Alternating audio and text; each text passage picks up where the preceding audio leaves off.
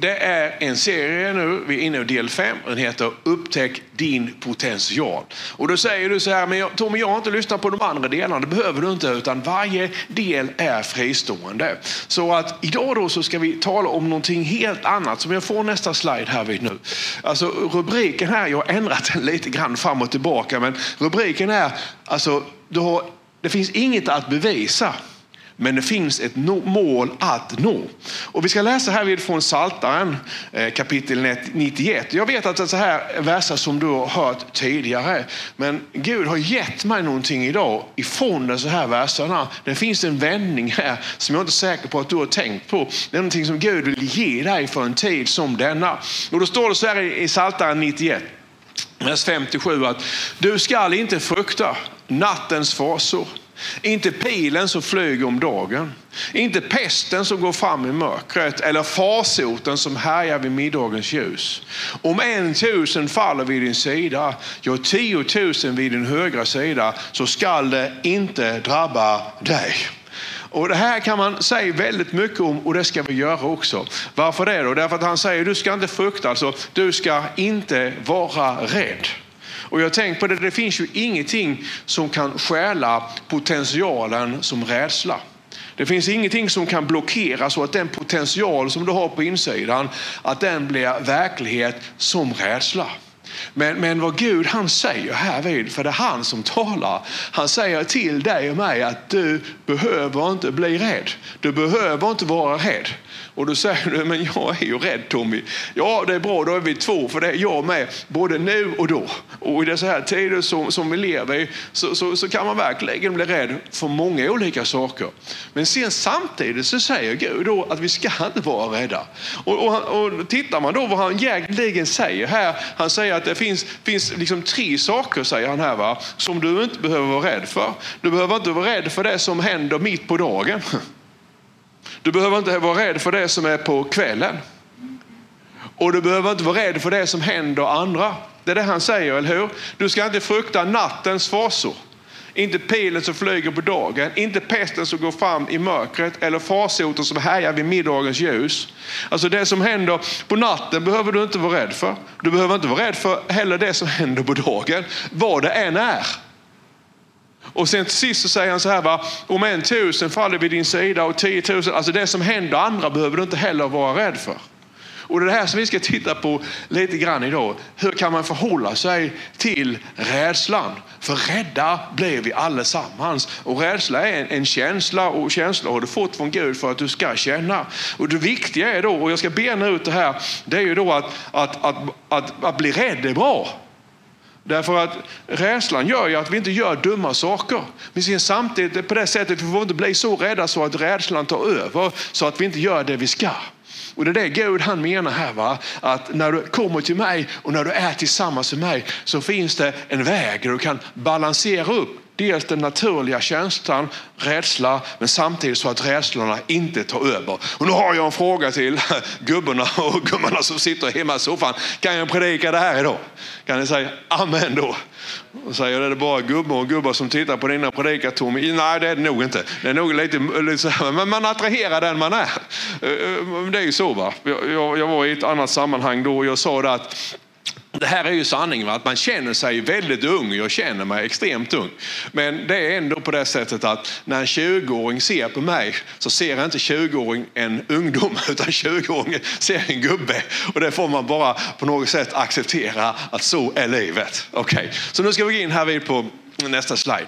Eh, hur kan Gud säga att du inte skall vara rädd. Alltså, Gud, hur, hur kan, kan, du säga, alltså vi lever ju också mitt upp i, i en pandemi. Och, och eh, vi vet ju, vi har människor i vår närhet som har drabbats väldigt, väldigt svårt. Och ändå säger Gud att du behöver inte vara rädd. Och så säger han så här va, i Psaltaren kapitel 91, vers 1-2, så säger han att den som sitter Alltså den, den som tillbringar tid.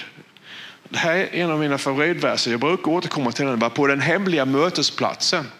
Alltså under den högstes beskydd och vila under den allsmäktige skugga. Han säger i Herren, alltså i Gud som har skapat himmel och jord, har jag min tillflykt och min borg, min Gud som jag förtröstar på. Alltså, det, det finns en plats där rädslan ebbar ut. Alltså det, det, finns en plats där du och jag kan besöka som ger oss en insikt där vi får ett annat perspektiv på det som händer. Alltså den som sitter, den som tillbringar tid på den här hemliga platsen, han hamnar under Gud. Och vem är då Gud? Jo, Gud har ju skapat himmel och jord. Gud är Gud av sig själv. Alltså Gud är koncernchef över universum. Ingen har liksom, som, som, ingen kan göra någonting någonting åt Gud. Ingen kan bestämma över Gud, utan Gud är bara Gud. Han har skapat himlen, han har skapat stjärnorna. Han, han har ingen början, han har ingen slut. Han är Gud. Och då så, då så säger Bibeln så att det finns en plats där du kan tillbringa tid tillsammans med Gud. Det finns en adress där du kan vara med han som har skapat himmel och jord. Och när du då tillbringar tid med honom så kommer du då till att vilar under, alltså när det står att du ska vila under hans skugga, då är det precis som att när du går omkring då så, så, så rör du dig under hans skugga. Så att när du tar ett steg till vänster då är Gud där och tar du steg till höger så är Gud där. När du går rakt fram så är Gud där. Alltså vart du än är så, så, så är du i Gud. Och om Gud alltid är runt dig, ja då behöver du inte vara rädd för någonting som sker på dagen eller någonting som sker på natten eller det som händer andra därför att du är i Gud. Och då säger du kanske, men Tobbe, säger du, vad, vad, kan, kan, kan jag få adressen? För jag vill gå dit också. Adressen? Ja, adressen till den, det står på engelska, va? He who dwells in the secret place of the Lord. Alltså, den här, kan jag få adressen? Ja, adressen är ju Jesus räddningen i Jesus. Alltså först att du tar emot Jesus som din frälsare och Herre. Men sen så är det också viktigt då att, att du, du tar det och ger dig själv tid. Så att du, du sätter dig ner. Och just det här att det är en hemlig plats. Den är hemlig därför att den finns överallt. Så att när jag är här tillsammans med dig nu, eller vart vi än är, så kan jag sluta mina ögon och så kan jag säga att i Jesu namn så kommer jag nu till Fadern, till skaparen av himmel och jord. Till han som är Gud, den enda guden, av sig själv Gud. Och jag kan med, med, liksom, med, med frimodighet, alltså jag kan utan att skämmas, utan att känna skuld, så kan jag liksom gå in nu. Jag kan gå ända fram till Gud. Gud han har en osynlig tron. Och jag kan inte se det här men jag kan veta att nu är jag på den här hemliga platsen. Och så kan jag säga Fader i Jesu namn. Tack för att jag får komma inför ditt ansikte nu, inför din tron. Och när, när jag nu är här och varit här en stund så, så börjar rädslan ebba ut. Därför att rädslan kan inte följa, alltså det med ondskan kan inte följa med dig in på den här hemliga platsen. Bitterheten kan inte följa med dig. Oförlåtelse kan inte följa med dig. Utan det finns vissa saker som du måste lämna när du är på väg in hit. Men så när du väl har kommit hit så finns ingen avundsjuka, ingen svartsjuka. Och det är därför som, som du, ditt, hela ditt hjärta blir fyllt av, av vila, av frid och av ro. Varför det då? Därför det är så mycket som du har lämnat utanför för. Och när du är där vid, amen, då är du inför Gud. Och, och, när du, ju mer du ger dig till den här hemliga platsen, adressen har du nu, liksom på något sätt så kommer du till att uppleva att han är tillsammans med dig 24 timmar om dygnet därför att han är Gud. Och det är också så va, att, att när jag talar om den här potentialen, då, då ser du potentialen när du är här vid och allting har stannat av. Du, bara, du, bara, du glömmer tid, du glömmer allting annat. Här mår du bra. Därför att här blir du den som du är. när jag predikar till dig nu och går omkring här så kan jag känna av liksom, ja, det knakar lite grann i det knät och, och så här. Va? Därför att nu är jag Tommy och Tommy i köttet i min kropp. Men när jag är här vid då och kroppen den är under förgängligheten. Den dagen jag dör så lämnar jag min fysiska kropp här. Men när jag är här, den hemliga mötesplatsen, helt plötsligt då så, så, så har jag inte den fysiska kroppen på samma sätt. Därför att då går jag in i, i i, i, en, i en helt annan dimension. Jag går in i, i det som kallas för, för anden, i det osynliga, den osynliga Tommy. Och helt plötsligt slappnar allting av. Och där då när, när, när det kallas för den nya skapelsen Tommy, där vi då så, så känner jag ingen smärta. Där känner jag ingen sjukdom. Där känner jag ingen, eh, liksom, där, jag, där är jag aldrig arg. Där är jag alltid glad, där mår jag alltid bra, där har jag alltid tro. Och helt plötsligt här vi nu så kommer visionerna från Gud. Här kommer Gud, liksom drömmarna från Gud. Och så här börjar jag se att den, den här potentialen, det här pundet har Gud lagt ner i mig eller dig. Och då vet jag att det här kan jag göra. Därför att på den hemliga, hemliga mötesplatsen, där kommer Gud med visionerna. Amen. Hur viktigt är det inte då att man tillbringar tid här på den här mötesplatsen? Och sen säger han så här va, eh, i, i, i då vers 2. Att den som sitter då, den som är här vid då, han säger så att du gör någonting aktivt. Han säger, han, du gör, alltså det här, tron är aktiv. Alltså jag säger någonting, vad säger jag? Jag säger i Herren och det känner jag här. Jag, jag vet det. Det, det, kanske, det känns inte här ute. En halvtimme senare så behöver man inte uppleva det alls på samma sätt. Men här vi då, när tiden har stannat av och man är i anden så bara vet man det här. Och då, då man säger då så här, i Herren har jag min tillflykt och min borg, min Gud som jag får trösta på. Därför att här ser jag det så tydligt. Här blir det så verkligt. Här, här vet jag Gud är på min sida. Vem kan då vara emot mig? Fienden kan anfalla mig på en väg men på sju ska de fly ifrån mig. Därför att Gud, de har med Gud att göra. Att gissa på mig är att gissa på Gud. Det vet du då. Alltså det, passa er för att ge på Tommy Lilja eller på några av oss som tillbringar tid på den hemliga mötesplatsen. För det är inte bara mig du slår. Du slår på Gud också. Och det ska du akta dig för. Jag är en sak, men Gud är en annan. Och den här upplevelsen har du ju när du är här vid på den hemliga mötesplatsen. Och, och där tron den är aktiv. Ja? Herren är min tillflykt. Det är därför som Paulus säger också i eh, Efesierbrevet kapitel 6, så säger han framförallt, kan du säga det? Framför allt, vad då? Framför allt, vad ska du göra? Framför ska du ta på trons sköld, framför tron. Tron på vad då? Att i Herren har jag min tillflykt och min borg. Min Gud, jag förtröstar på Gud. Du håller upp trons sköld och säger jag förtröstar på Gud. I Jesu namn, jag förtröstar på Gud. Han är min tillflykt och min borg. Kan du se detta här?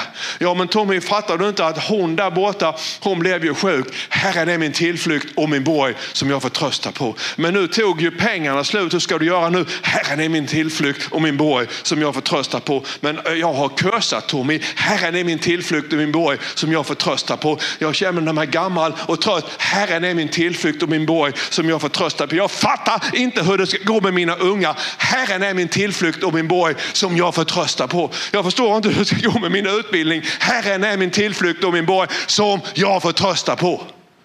Kan du se det här? Oavsett, jag fattar liksom inte. Mitt äktenskap, det knakar. Herren är min tillflykt och min borg. Jag får trösta på Herren i mitt äktenskap. Jag får trösta på Herren när det gäller mina barn. Jag får trösta på Herren när det gäller ekonomin. Jag får trösta på Herren när det gäller min, min, min, min, min, min hälsa. Jag får trösta på Herren. Du får trösta på Herren. Varför det då? Därför att vi vet att när vi sitter här så talar han och vittnar i vårt hjärta. Han säger du behöver inte vara rädd. Därför att vart du än är är, där är jag tillsammans med dig. Halleluja! Amen. Det är det här som är Gud. Okej, okay. nu, nu, nu, nu blir det så här. va. Får jag nästa slide. Men jag är rädd i alla fall. Ja, ja, så är det. va. Det är vi alla. Nu är jag lite gasad här. Och då, då, då kan jag göra varför någonting som helst. Men man är ju inte gasad hela tiden. Så, så det innebär ju att, att det finns ju stunder då när, när rädslan kommer över oss alla. Därför att det är väldigt mänskligt att vara rädd. Och läs nu här vad jag har skrivit. Alltså att rädsla, vad är det för någonting? Ja, det har jag lärt mig här nu, för jag, jag bor ju med en terapeut. Va? Att rädsla är en känsla. Och känslor har vi ju. Vi har olika typer av känslor. Och känslorna har vi fått från Gud. Så för att du ska känna, så att, att känna då, saker och ting. Det, det är inget fel i det. Alltså att man blir rädd. Det är självklart att du ska bli rädd. Du vet de som inte har några rädslor, de hänger ju, ut i, utan, liksom, de hänger ju utifrån en klippa i två fingrar. Och, och det, det, är inte bra, därför att då riskerar du livet. Rädslan finns ju där för att, för att hjälpa dig och mig att gör du så, så, så kan det få konsekvenser för ditt liv. Eh, förstår du vad jag menar? Alltså det finns, finns sunda rädslor. Men sen finns det också då eh, rädslor som, som, som tar över. Men jag testades ju positivt då eh, när jag var i Dubai sist. Och då blev jag rädd. De låste in mig på 52 våningen. Det var ju ganska schysst ställe liksom att vara några veckor så. Men, men jag, jag blev rädd. Och, och, och rädslan är inte alltid eh, Eh, logisk. Du vet, när, när jag var ännu mindre, då, 6-7 år, så ramlade jag ner för ett träd. Och jag bröt armen, mer än jag krossade armbågen. Och sen, sen den dagen så var jag rädd för att komma upp när det gällde höjder. Här i huvudet insåg jag att det var inte farligt. Men jag kunde sätta upp stegen. När jag kom upp eh, liksom en och en halv meter upp på stegen så gick jag ner igen. Varför det då? Därför att rädslan tog över. Jag kunde inte hjälpa det, men rädslan var för stark. Rädslan ville inte att jag skulle ramla ner igen. Men lyssna nu, Problemet med rädslan och känslorna är att de har ingen tid och de är inte logiska. Så att när jag klättrade upp på stegen då, 25 år senare, så fattade inte rädslan skillnaden mellan det träd, det var inte så jättehögt då, som jag ramlade ner för när jag var 6-7 år gammal. Det föll sig olyckligt så att armbågen eh, ja, den, den kom mot en tegelsten. Men rädslan fattade inte skillnaden på stegen idag där det är helt säkert att klättra upp och det finns ingen tegelsten att ramla och slå sönder armbågen på. Alltså, rädslan ser inte någon skillnad i tiden. Och därför så, så, så, så kommer, kommer rädslorna i alla fall. Så att nu här vi nu för bara för några veckor sedan så var vi på väg ut igen. Och eh, då, då var det liksom en tveksamhet. För jag, jag, kände av en rädsla som jag inte känt tidigare. Och jag insåg liksom att nu blev jag så rädd för pandemin och covid-19 som jag inte varit tidigare. Och jag insåg också att det här kommer av det som hände i höstas. Och, och när, när alltihop det här hände så, så, så, så, började jag be direkt då, uppe på 52 våningen. Och jag bad i en halvtimme, sen kom Gud och sa till mig, det är en lögn, sa han. Även om Gud talar ibland så, så kan ändå känslorna ta över. Så Gud säger en sak och det han säger är sant. Men det som vi känner, det påverkar oss också väldigt mycket. Så mellanåt så står vi i den här kampen mellan vad Gud han har sagt och vad känslorna de bombarderar våra tankar med. Och sen tänkte jag, jag måste åka i alla fall. Och sen så insåg vi då att, att smittan den ökade i Dubai. Och då, då kommer jag till detta här, va? Att, att behövde jag då åka så insåg jag att vi kan ju köra det, precis som vi gjorde med Etiopien. Vi kan köra det härifrån och så kan vi köra det på stora bildskärmar. Därför att det finns ju ingenting att bevisa, utan det finns ett mål att nå. Om vi inte åker ner till Dubai nu, vad händer då? Därför att det finns en sak till i detta här och det var att, att eh, eh folk Hälsomyndigheten hade kommit ut med nya rekommendationer. Att när man kom hem då så skulle man vara i karantän i en vecka och sen skulle man ta två nya test och det fixade vi inte heller. Så, så då insåg vi ju då att, att vi klarar målet i alla fall. Därför att det var inte en väckelsekampanj där nere. Jag skulle träffa lite pastorer och så. Och det hade varit väldigt trevligt. Jag har ju åkt du vet, i, i Afrika och bott på saker och ting som inte är hotell. 40 grader varmt på natten och det kryper av djur i sängen och malarian utanför myggnätet. Och nu skulle vi äntligen få bo lite bättre och ha en, en samling på ett härligare ställe och så får vi stanna hemma ändå. Men du vet, det finns ju ingenting att bevisa. Det är ju en sak om, om grannen han hör av sig och säger till mig så här, Tommy säger han, du vet att jag, jag har lite fest här vid ikväll. Och jag har en Pepsi Max. Jag har en välstekt ryggbiff med pommes frites. Och eh, jag har också en dubbelgrad här.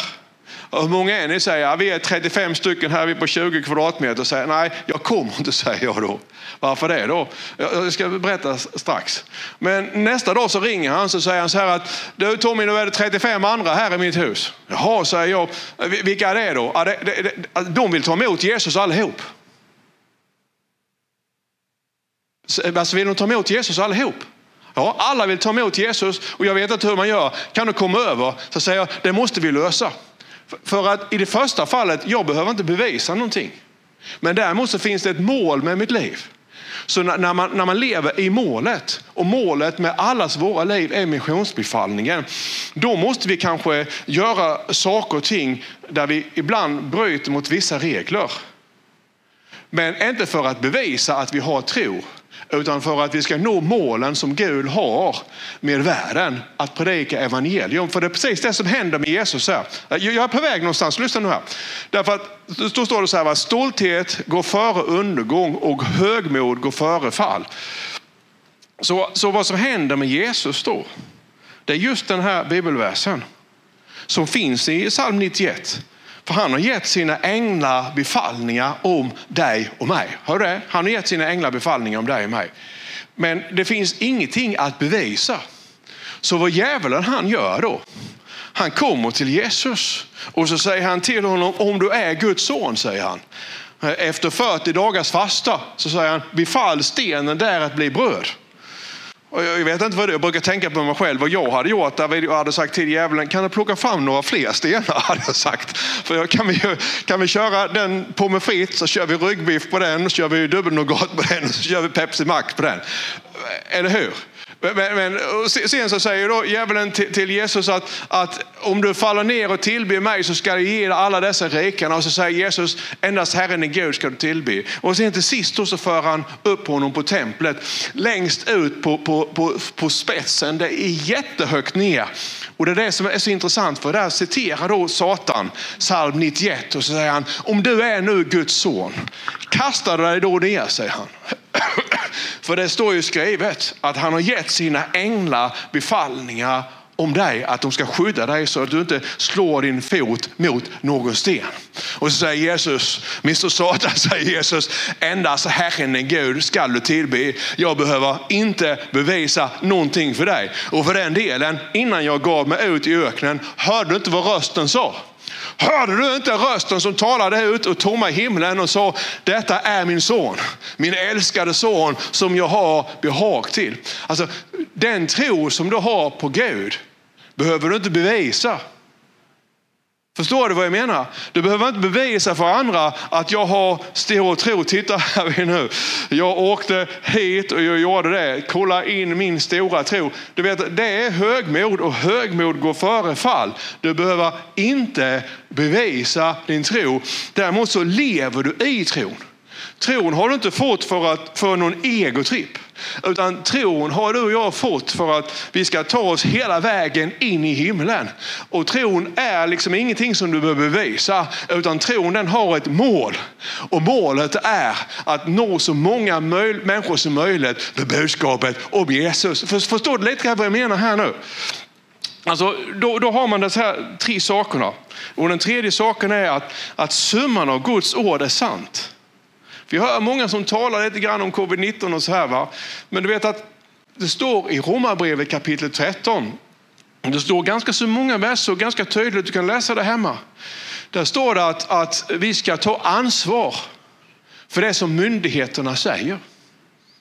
Så, så att när, när, vi då skulle åka till Dubai, jag och Karin, och det här var ett dukat bord, så fanns det ju tre saker. Ett, det var en kamp i tron. För jag var lite rädd. Men vi hade fixat det.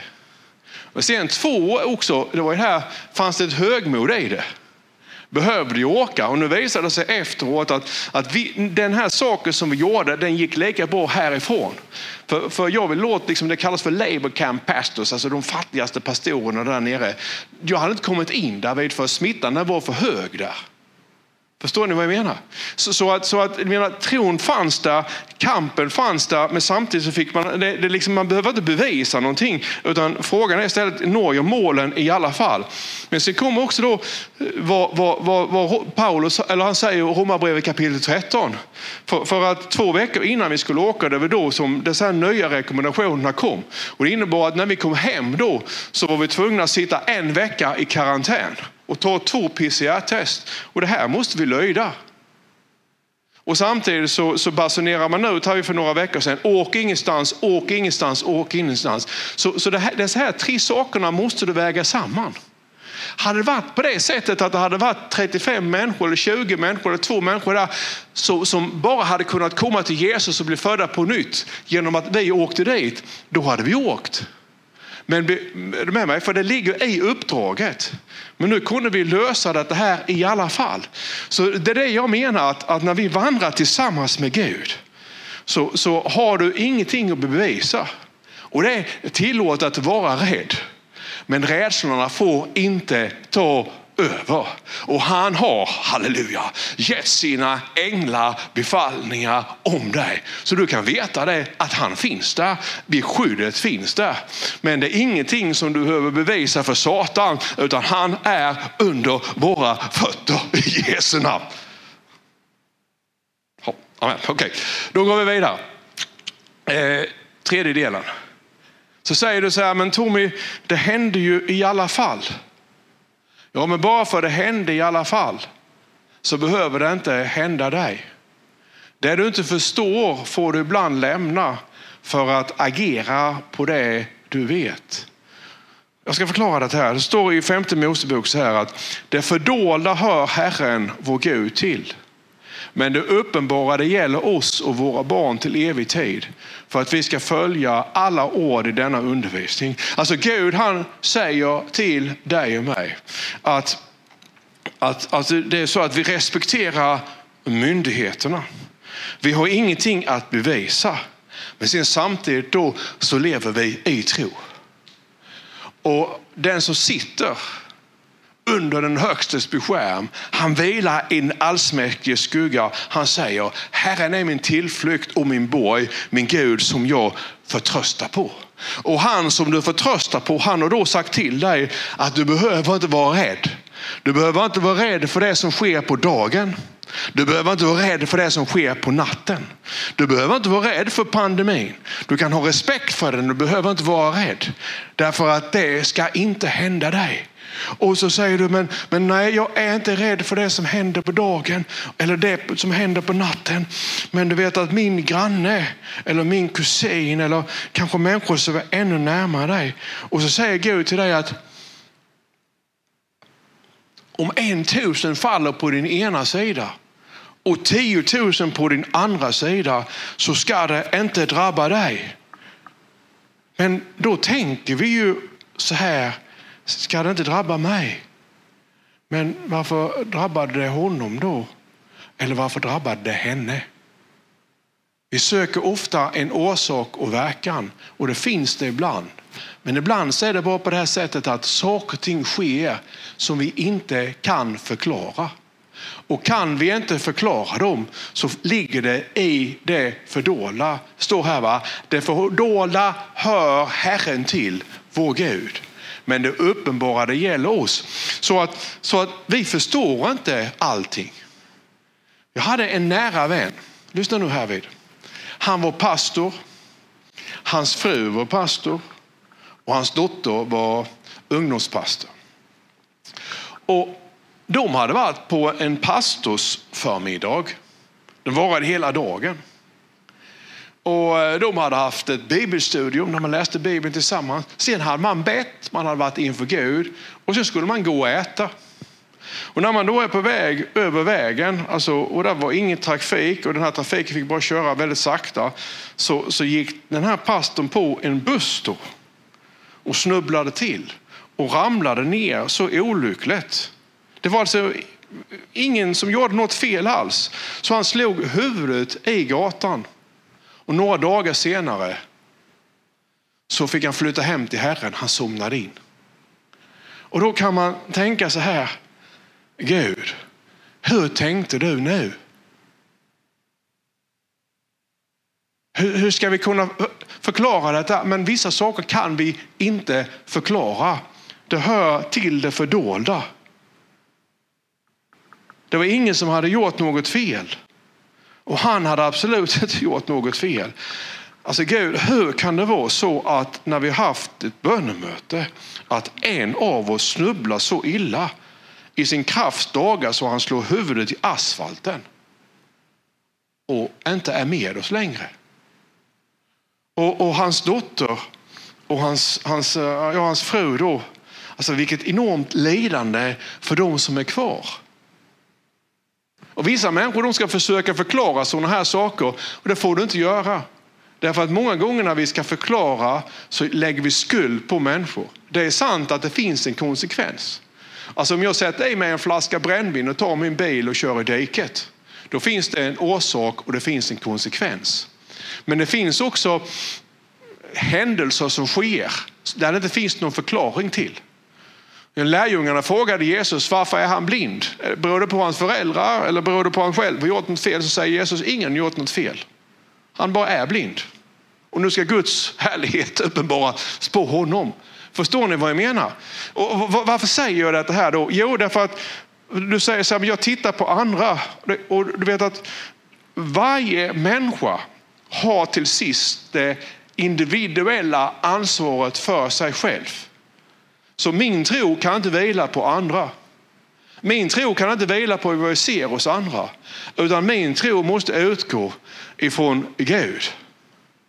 Och, och då, då, finns det saker och ting som sker med människor runt omkring oss. Men då säger Gud till dig att även om tusen faller, tiotusen, så ska det inte drabba dig.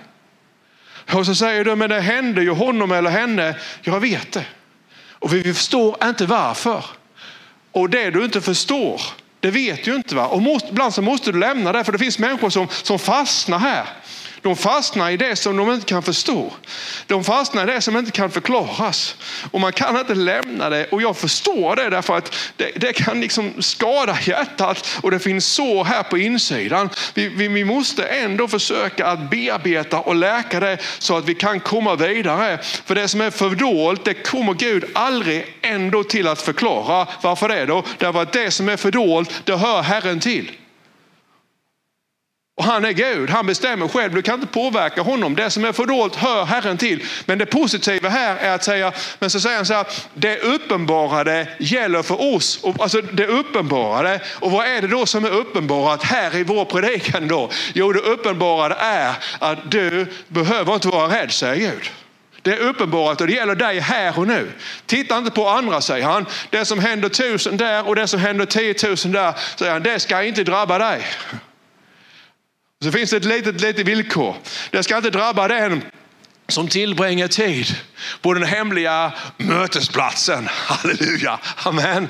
Oh, är du här? Alltså, du, du, är i anden, du lever tillsammans med Jesus. Och därför så behöver man återvända hit om och om och om igen så att man sitter tillsammans med Gud. Alltså, vi har ingenting att bevisa, men det är så va, att vi har ett mål att nå. Jag fattar långt ifrån allt som händer. Och ni som känner mig, ni vet att saker har hänt i mitt liv som är totalt oförklarliga. Och det var några som försökte liksom hitta en orsak och verkan och man kan bli ganska så ledsen över alltihop det här. Därför att det är väldigt lätt att skuldbelägga. Men saker och ting bara sker. Och sen efter en tid då så, så, finns det bara en sak att gå, ett sätt att gå vidare. Det är att man inser att det här är för dolt. Gud han vet vad han gör. Jag fattar ingenting. Jag förstår det inte alls Gud. Men det jag förstår, det går jag på. Det jag förstår, det lever jag utifrån. Och det jag förstår, det tror jag på. Så även om det är människor i vår absolut närhet nu, jag har ju vänner nu som, som är sjuka, va? så är det ändå på det sättet att det jag uppenbarelse för, det är det som jag måste gå på. Amen. Och sen så blev vi rädda allesammans. Men det finns en plats där rädslan inte kan följa dig och det är när vi är tillsammans med Gud. Jag tror jag har en slide till. Du har alltså inget att bevisa, men du har ett mål att nå. Och det Gud han säger här till oss är att du som umgås med Gud, du skall inte frukta. Det skall inte drabba dig. Han har gett sina änglar befallning om dig. Och du ska stå emot fiendens hela styrka. Det är det löftet vi har. Och det är det ljus vi har och den uppenbarelse vi har. Och det får vi gå på. Han ropar till mig och jag svarar honom, står det här till sist. Jag är med honom när han har problem. Han, han är med, jag är med honom när han eller hon har problem. Och då ska jag rädda honom och ge honom ära. Jag ska mätta honom med ett långt liv och låta honom se min frälsning. Tänkte dig det, han en stor hälsotest för 11 år sedan. Och den här kvinnliga läkaren hon målade en väldigt mörk framtid. Därför att mina föräldrar var svårt värkbrutna alltså för 10-11 de var 50 års ålder. Och vi har sjukdomar i hela släkten. Och, och det är väldigt lätt att man får en sån här profetia över sig. Men så tänkte jag när hon sa det, det kan inte stämma. Hon sa att dina genetiska förutsättningar, de är inte så bra Tommy sa. Och jag sa inte det till henne då, men jag borde kanske sagt till henne att mina genetiska förutsättningar, de är utmärkta. Därför att jag är inte mina föräldrar. Jag är en ny skapelse i Jesus Kristus. Och vet du att varje morgon, fru läkare, så går jag in på en hemlig mötesplats. Där samtalar jag med Gud själv. Och han är min egentliga läkare och genom Jesus så, så är jag helad. Jag är inte mina föräldrar. Jag är inte omständigheterna. Du är inte det som har varit. Du är inte de genetiska förutsättningarna. Du är en ny skapelse i Jesus Kristus. Och när du tillbringar tid tillsammans med Gud, halleluja, då slår han sitt läger runt omkring dig. Och oavsett vad som drabbar andra, oavsett vad som händer runt omkring dig, så har han lovat att det ska inte drabba dig. Och därför är mitt råd till dig ikväll, att gå då på det som Gud har sagt till dig. Gå på att det ska inte drabba dig. Gör det med insikt, gör det med respekt och gör det inte för att bevisa någonting utan gör det för att nå målet med den potential och det syfte som Gud har lagt ner i ditt liv. Halleluja!